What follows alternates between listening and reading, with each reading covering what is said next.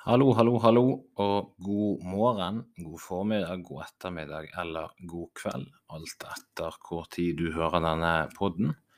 Eh, velkommen til Fotballpod episode fem, som fortsatt er en podkast med meg, Fredrik eh, Mjeldheim.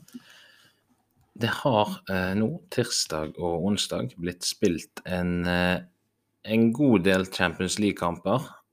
Og flere av, av lagene som jeg på forhånd tenkte at mm, du må i hvert fall ikke tape. De, de har ikke tapt. Og det, det, er veldig positivt, fordi det var veldig lite storoppgjør på menyen. Eh, I hvert fall eh, om det var i går eller i dag. Men det har vært noen. Eh, Chelsea møtte i dag AC Milan eh, og eh, spilte ekstremt godt, egentlig. Det var, det var noe solid over det hele. Og Bamiyang, til og med åpnet skåringskontoen. Litt spent på hvor god han kan bli. Fordi at Aubameyang på sitt beste i Dortmund var Altså, vi skal si han minner litt om noen, da. Uten å liksom trekke inn et spesifikt navn, da gjerne, men altså en litt sånn typisk Atletico Madrid-spiss eh, på sånn tidlig 2010-tallet, sant, når de hadde i tur og orden Torres, Costa De har hatt Forlan, eh, Aguero, sant, de har hatt raske kontringsspillere som er kjappe på overganger. Uh, Bamiang, når han var i Dortmund på sitt aller, aller beste, da følte jeg han kunne tidvis minne om en sånn spiller. Uh, dette var jo delvis det som gjorde at han til slutt fikk en overgang til Arsenal, men jeg følte der så vi det glimtvis. Ikke på samme måte som i Bundesliga han er jo ikke den første spilleren som kommer til eh, Som kommer til England uten eh, Altså uten å da Treffer ikke på en Altså leverer ikke på samme måte da som, eh, som du gjorde i Bundesliga. Og det er det flere og flere eksempler på. Jeg føler gjerne ikke alltid at spissene fra Bundesliga, igjen med unntak av Haaland, alltid gjør en braksuksess, i hvert fall umiddelbart.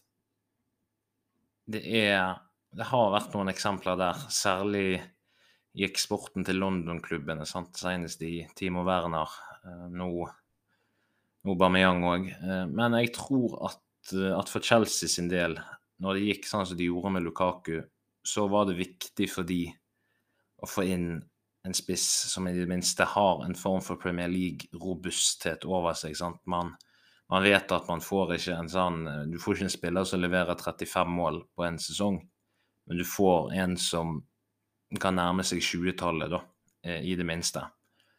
Og det var viktig for dem. Jeg syns det jeg så av kampen, det var et, et AC Milan som ikke var noe særlig farlig. Eh, det var eh, selv om det tok eh, litt tid. Altså det var 1-0 etter, eh, etter, første omgang. Og så ble det vel 2-0 eh, rimelig kjapt i andre omgang. Rundt 55 minutter av Aubameyang, og så etter 62, da, så hadde Reece James fastsatt sluttresultatet til, til 3-0. Og det er jeg føler det er litt sånn med, med AC Milan de siste årene at de er på en måte Det er et veldig høyt nivå, men de er ikke lenger der at de hadde Kaka og, og Pirlo og sånt som styrte alt sammen. Men selv jeg må medgi at uh, Rafael Leao det er en sabla god fotballspiller, sant? og han er kun 23 år gammel. 1,88 i høyde. Og jeg syns han leverer veldig fine prestasjoner, egentlig. Det har aldri vært det at spillet hans er Det er ikke snakk om å levere 25 mål per sesong, i hvert fall ikke ennå. Men kombinert sett når du ser på målpoeng, da, så har, han veldig fine tall sesong for sesong. Og det er ikke noe du skal kimse av, syns jeg.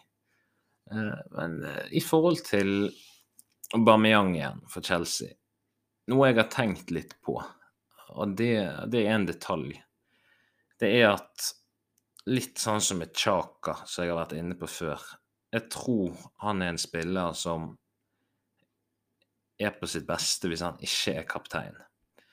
Eh, det inntrykket jeg fikk av å, å følge All or Nothing-dokumentaren til Arsenal når Aubameyang var med da første halvdel av sesongen, før han ble kan si han ble presset ut på noen måter til, til Barcelona, det var at uh, han var ikke den som var mest verbal i garderoben.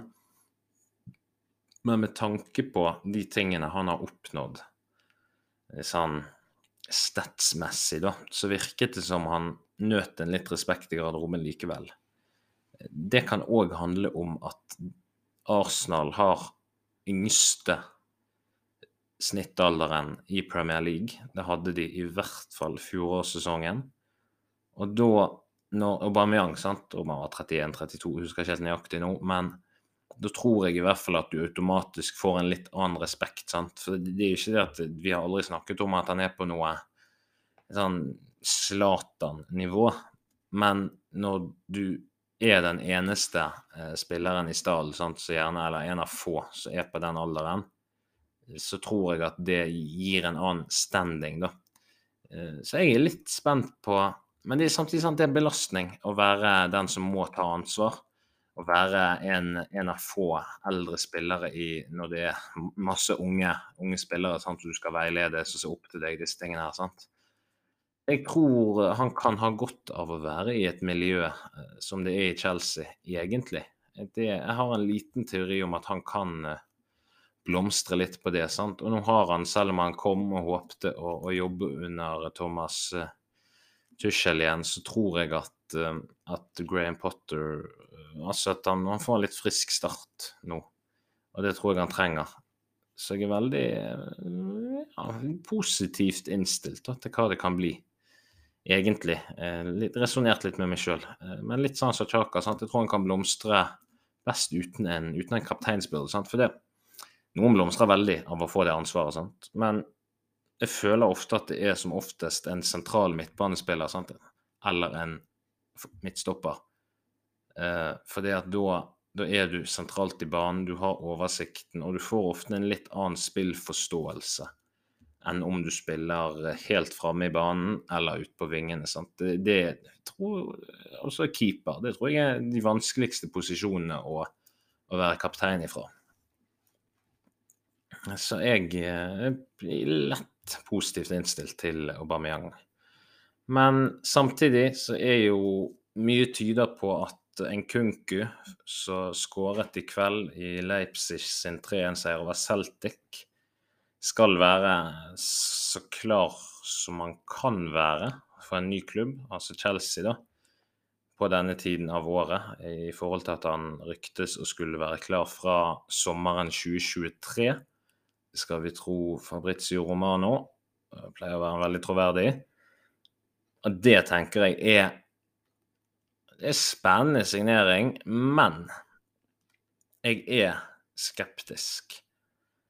Og dette er fordi at Timo Werner kom fra Leipzig til Chelsea.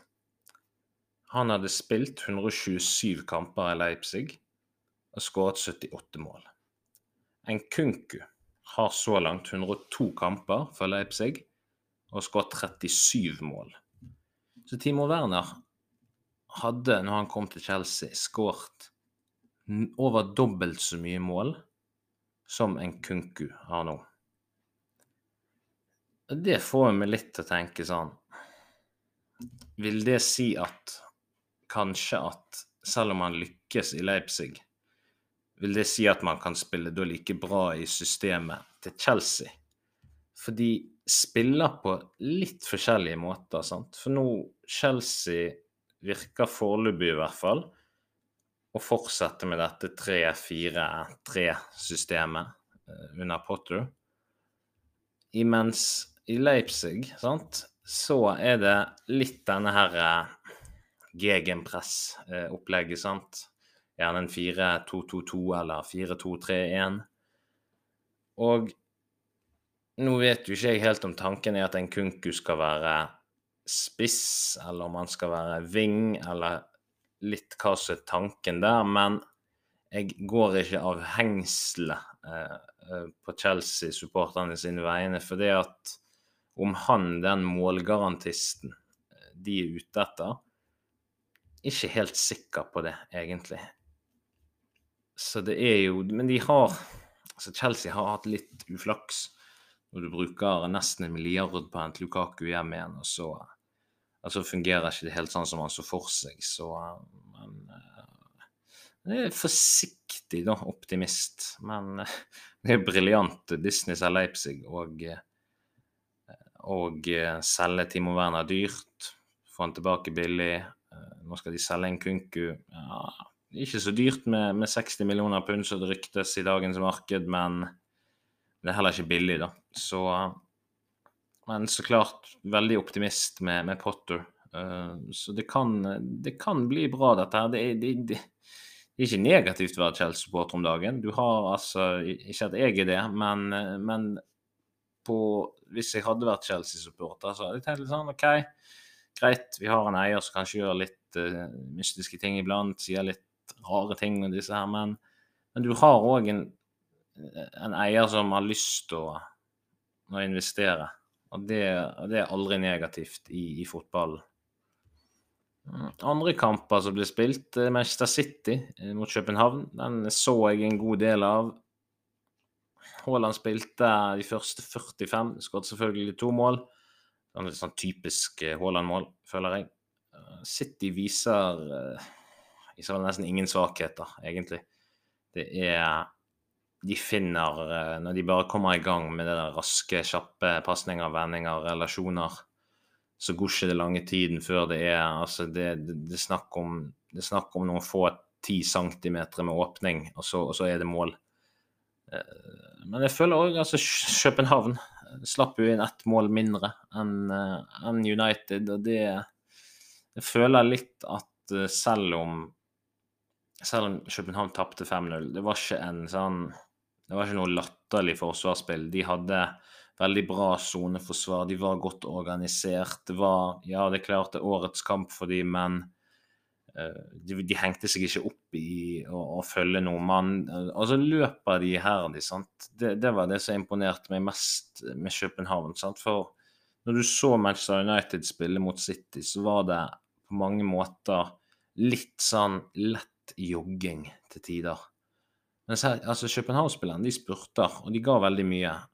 Men hvis United hadde gjort det òg, med, med, både en høyere kvalitet, men når du da får litt arbeidsmoral inn i det, det er ofte da du kan klare disse her skalpene, sant. Så det Så jeg føler at uh, det er noe United må ta med seg eh, videre, altså Ten Hag er nødt til å jobbe med, egentlig, eh, når, når vi tar den koblingen, tenker jeg. Um, City møter jo da Southampton hjemme til helgen. Haaland òg har fått hvile en omgang. Jeg eh, mistenkte litt det på forhånd òg, og eh, det er jo da veldig få, eller null, svakheter å spore i City, egentlig. Og det er ikke litt sånn som med, med f.eks. Arsenal, da, der du, man tenker Kommer det en skade på Saliba? Da, da er det grunn til stor bekymring. Mens med City så er det litt sånn Du så mot United i helgen. sånn Diaz Laporte vekk. Innkommer eh, Ake Akanyi og, og gjør den akkurat samme jobben. Og det er nesten litt sånn på vegne av alle andre lag i Premier League som har ambisjoner, så blir jeg bekymret for det at når du har dobbeltdekning og og du har 22 spillere minst som er, holder et så høyt nivå. Det gjør at du kan i hele gruppespillet i Champions League, ligacupen, FA-cupen, kan hvile de aller, aller beste til Premier League-kampene. Og det er det ikke alle de andre lagene som kan.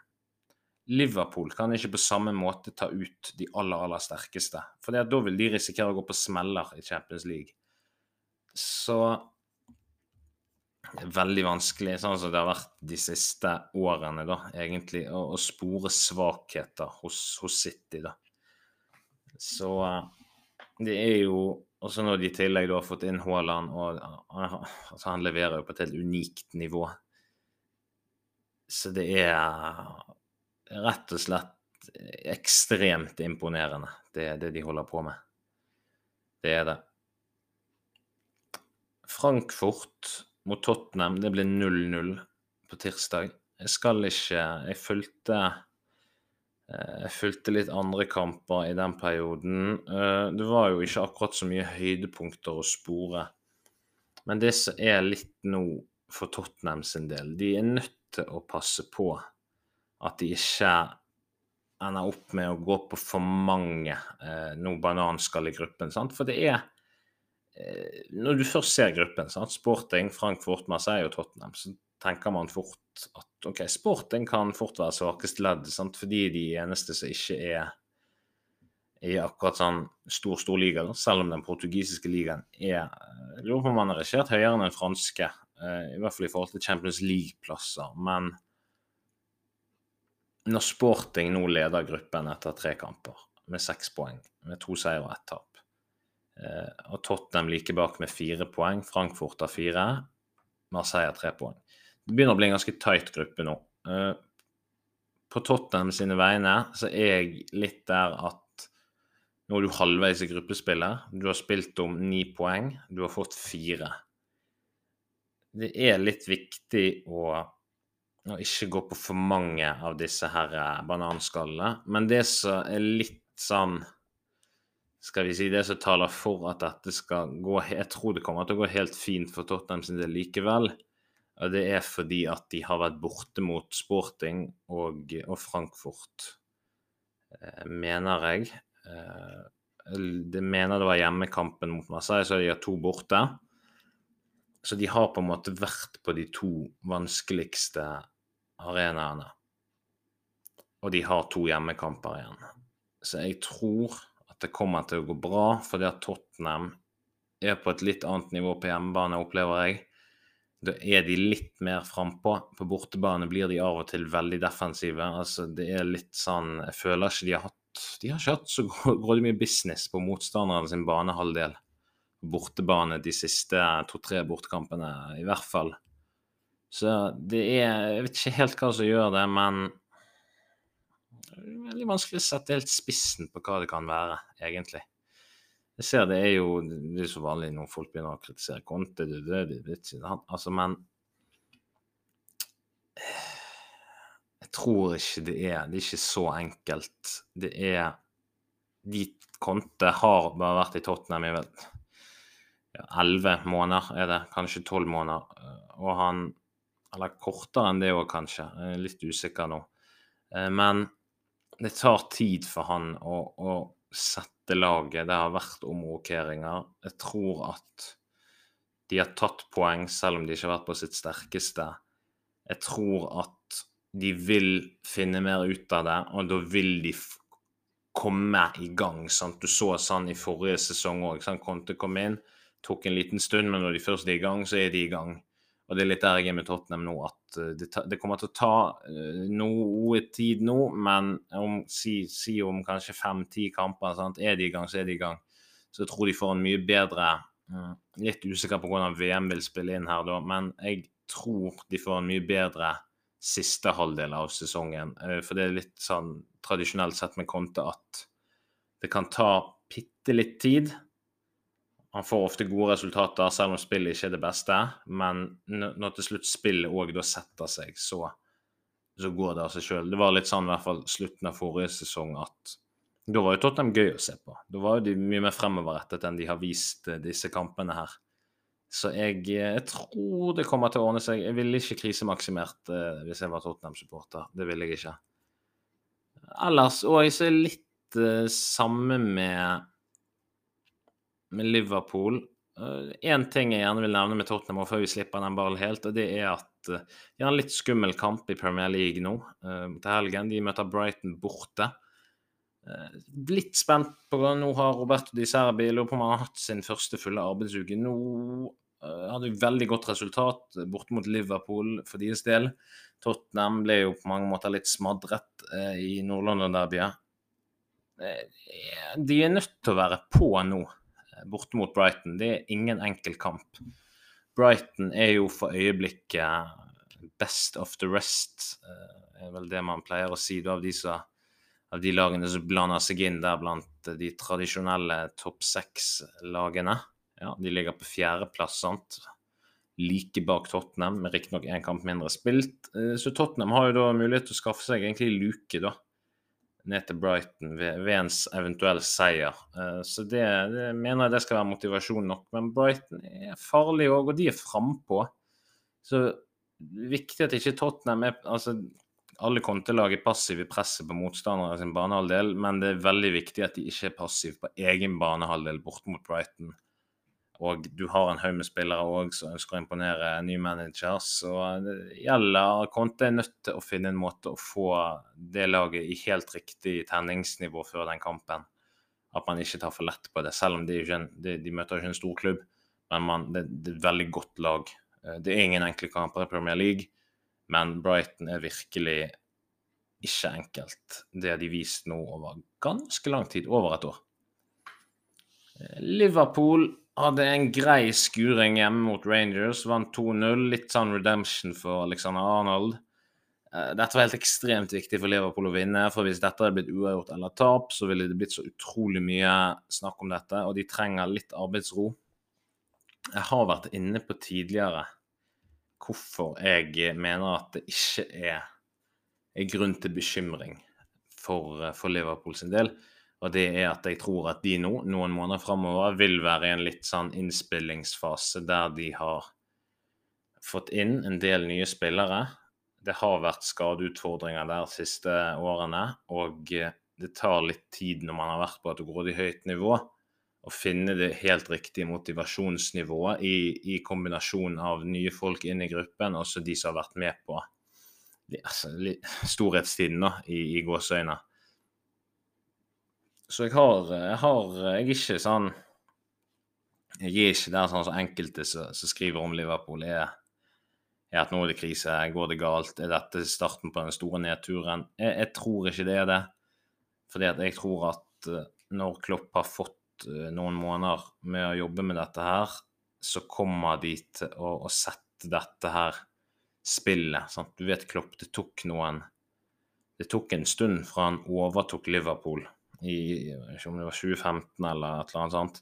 Men det tok en god stund før han hadde satt disse ekstremt hurtige pasningene på siste tredjedel av banen. sant? Og det kommer til å ta litt tid nå, nå når han har fått inn flere spillere. Jeg leser at David Nunes òg har problemer med språket. Og da tar jo det igjen en ekstra sånn dimensjon av utfordringer der som baler på seg det har vært dette si, styret på midtbanen med, med der du omtrent ikke Det er nesten ikke to kamper på rad med samme treer på midtbanen, og det er klart at det får konsekvenser for relasjoner. Og alle lag som møter Liverpool, legger seg ekstremt lavt. Og når du da ikke klarer å sette denne faste elveren som de gjorde Eh, en annen sesongen de fikk 96 poeng, og City fikk 97. Sant? Det var de siste ti kampene så var det samme lag uke inn, uke ut. Mens har, de har ikke fått den muligheten nå. Uh, det at det, det, er skader, utskiftninger, det er behov for å, å fornye, få litt sånn ny glød og, og, og, få inn sultne spillere.